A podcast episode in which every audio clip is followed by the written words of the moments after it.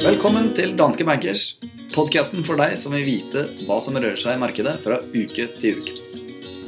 Mitt navn er Fredrik Ask Stensrud, og med meg i studio som vanlig så har jeg vår sjefstrateg Christian Lie. Velkommen, Christian.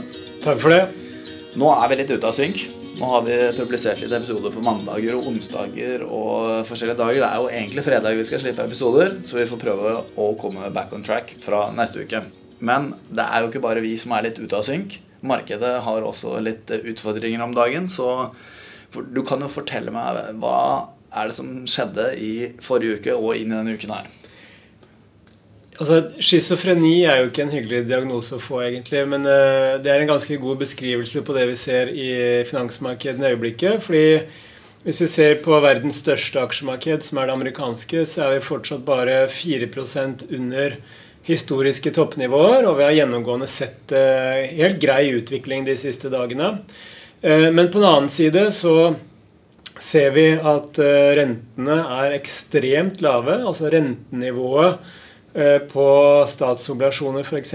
indikerer at mange investorer frykter en langvarig stagnasjon i verdensøkonomien. For Normalt da, når man sier seg villig til å kjøpe f.eks. en tysk statsobligasjon med 30 års løpetid til negativ rente, hvis du da sitter på den obligasjonen eh, frem til den forfaller, hvis du har veldig lang tidshorisont, så du, må du altså betale for å ha pengene der. Og da signaliserer jo det i hvert fall ikke veldig mye optimisme for at, at verdensøkonomien skal blomstre, og at man får veldig mye høyere avkastning eh, andre steder. Ellers så ser vi også at gullprisen har steget til det høyeste nivået på seks år. og Investorer trekker seg jo til gull som på en måte en siste utvei eller en siste skanse som kan beskytte haven. Ja, det er den ultimate sikre havnen, eller safe haven, som du sier der du kommer fra. Mm.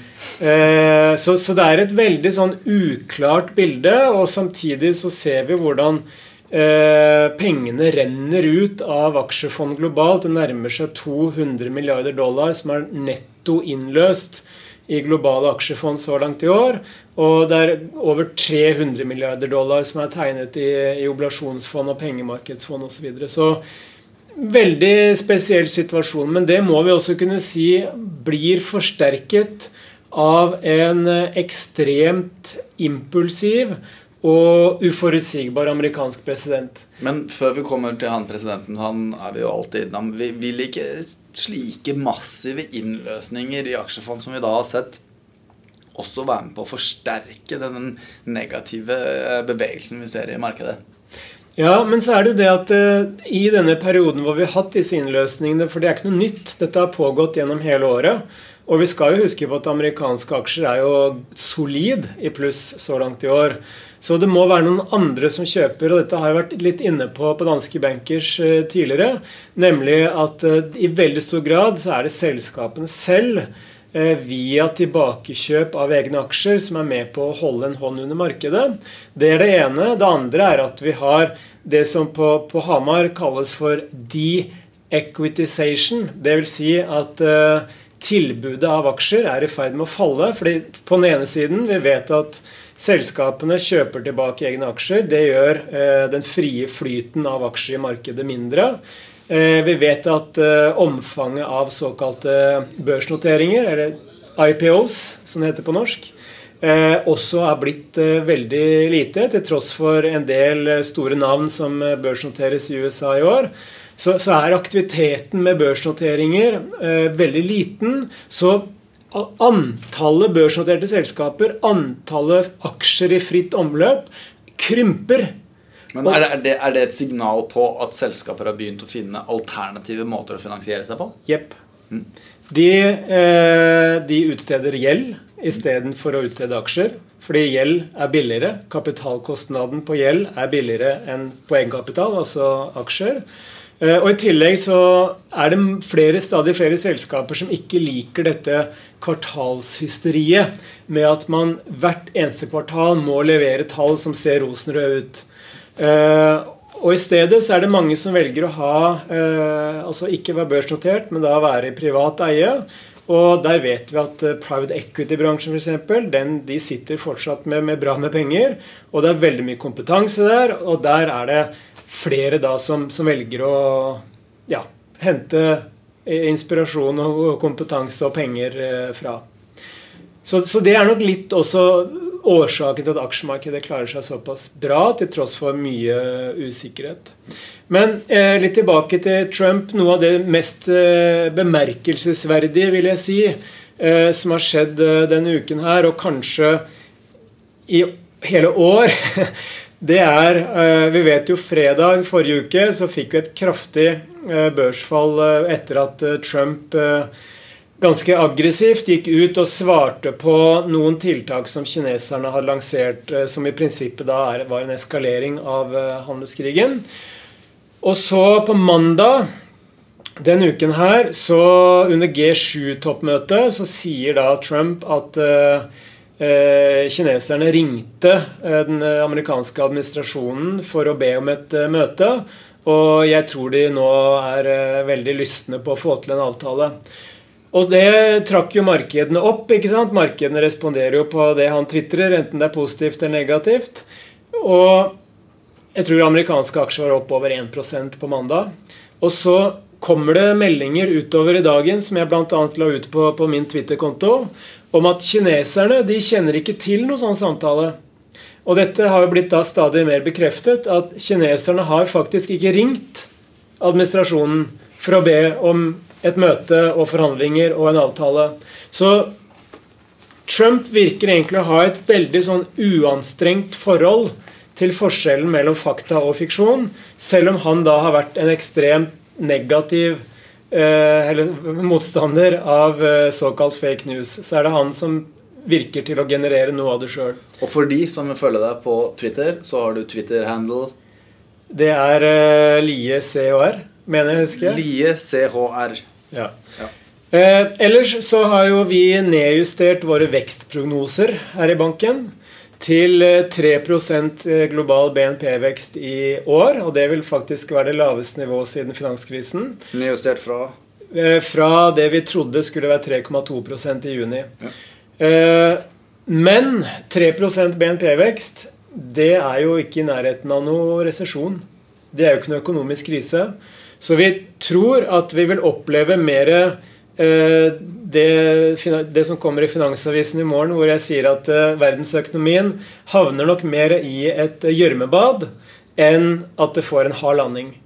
Og med gjørmebad så mener vi rett og slett at vi går inn i en periode eh, med moderat, dempet, kjedelig vekst, kall det det, men ikke den store krisen.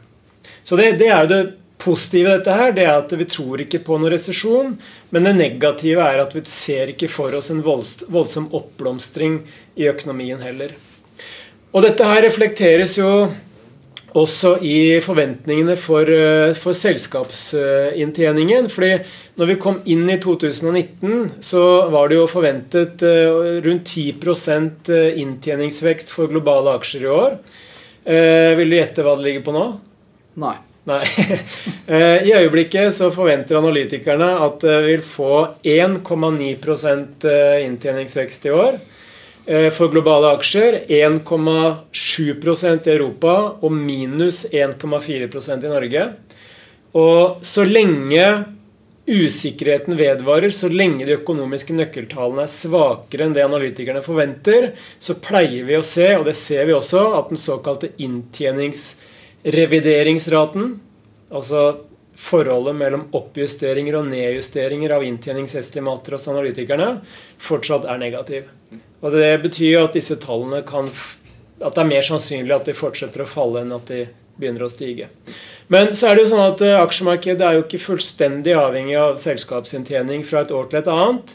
Eh, vi kan ha positiv avkastning selv om vi har negativ inntjeningsvekst, men in the long run så kan det ikke være slik. Da vil aksjemarkedet være avhengig av at selskapene tjener mer penger, at de bygger opp egenkapital og bokførte verdier, og at det, det, forsvarer høyere aksjekurser. Men det har jo også et innverst forhold til sannsynligheten for positive overraskelser. Definitivt. Definitivt. Eh, avslutningsvis så vil jeg bare nevne en litt sånn morsom fun fact. Du har hørt om Warren Buffett? Mm. Det er jo kanskje verdens mest eh, anerkjente investor. Han har jo holdt på i aksjemarkedet siden begynnelsen av 50-tallet. Eh, og han eier jo et ganske gedigent eh, konglomerat som heter eh, Berkshire Hathaway, som er børsnotert eh, i USA. Og dette selskapet har jo i mange mange år vært kjent for å levere bedre avkastning enn det amerikanske aksjemarkedet. Nå har jo den eh, statistikken blitt litt mer brokete de siste årene, men Warren Buffett pleier likevel å være ute i markedene når det er mye usikkerhet, og kommentere og berolige osv. Han var jo annet, eh, Midt under finanskrisen så var jo han ganske rolig og begynte å kjøpe opp uh, grusa bankaksjer osv. Og, så videre, og har jo tjent enda mer penger på det sett i ettertid. Men poenget mitt er at uh, kontantandelen i Berkshire Hathaway den har aldri vært så høy siden før finanskrisen. Det vil si at Warren Buffett er kanskje litt mer usikker på investeringsmulighetene nå enn det han normalt uh, er.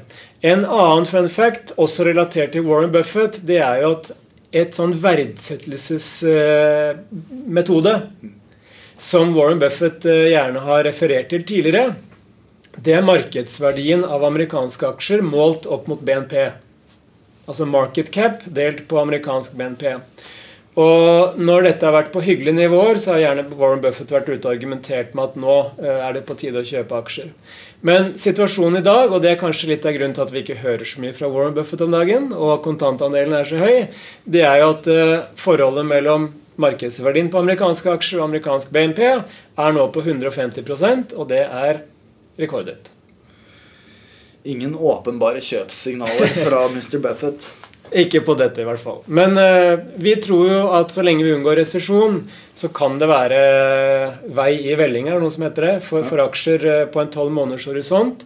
Uh, dog med garantert flere perioder med uro underveis. Men så lenge vi har vekst i verdensøkonomien, så, og, og, ikke minst ekstremt lave renter, så kan det være nok til at aksjemarkedet liksom klarer seg greit gjennom eh, de neste månedene. Sånne ting som det kan jo kanskje også mer være med på å prøve å justere forventningene til investorene mer enn at det nødvendigvis skal endre investeringsstrategien din. Det er helt riktig. Mm. Eh, ok, Kristian. Hva er det som blir spennende nå resten av denne uka her og i neste uke? Det vi får uh, denne uken her Vi har jo bl.a. fått to tall. Da, å ta med det. Vi har fått uh, en veldig skuffende IFO-indeks fra Tyskland. Som er en spørreundersøkelse blant 7000 tyske bedriftsledere. og Den falt til det laveste nivået på sju år. Så ingen overraskelser der at det er et litt sånn tungt sentiment i tysk økonomi. Uh, men på den hyggelige siden så fikk vi en avlesning av forbrukertilliten i USA i går. Den såkalte Consumer Confidence som viser at husholdningene fortsetter å være veldig optimistiske. Og det lover veldig bra for amerikansk økonomi og for det private forbruket. Eh, I morgen torsdag så får vi statistikk for det tyske arbeidsmarkedet, og her så vi jo Uh, julitallene viste faktisk den første økningen i ledigheten i Tyskland på fem eller seks år, var det vel.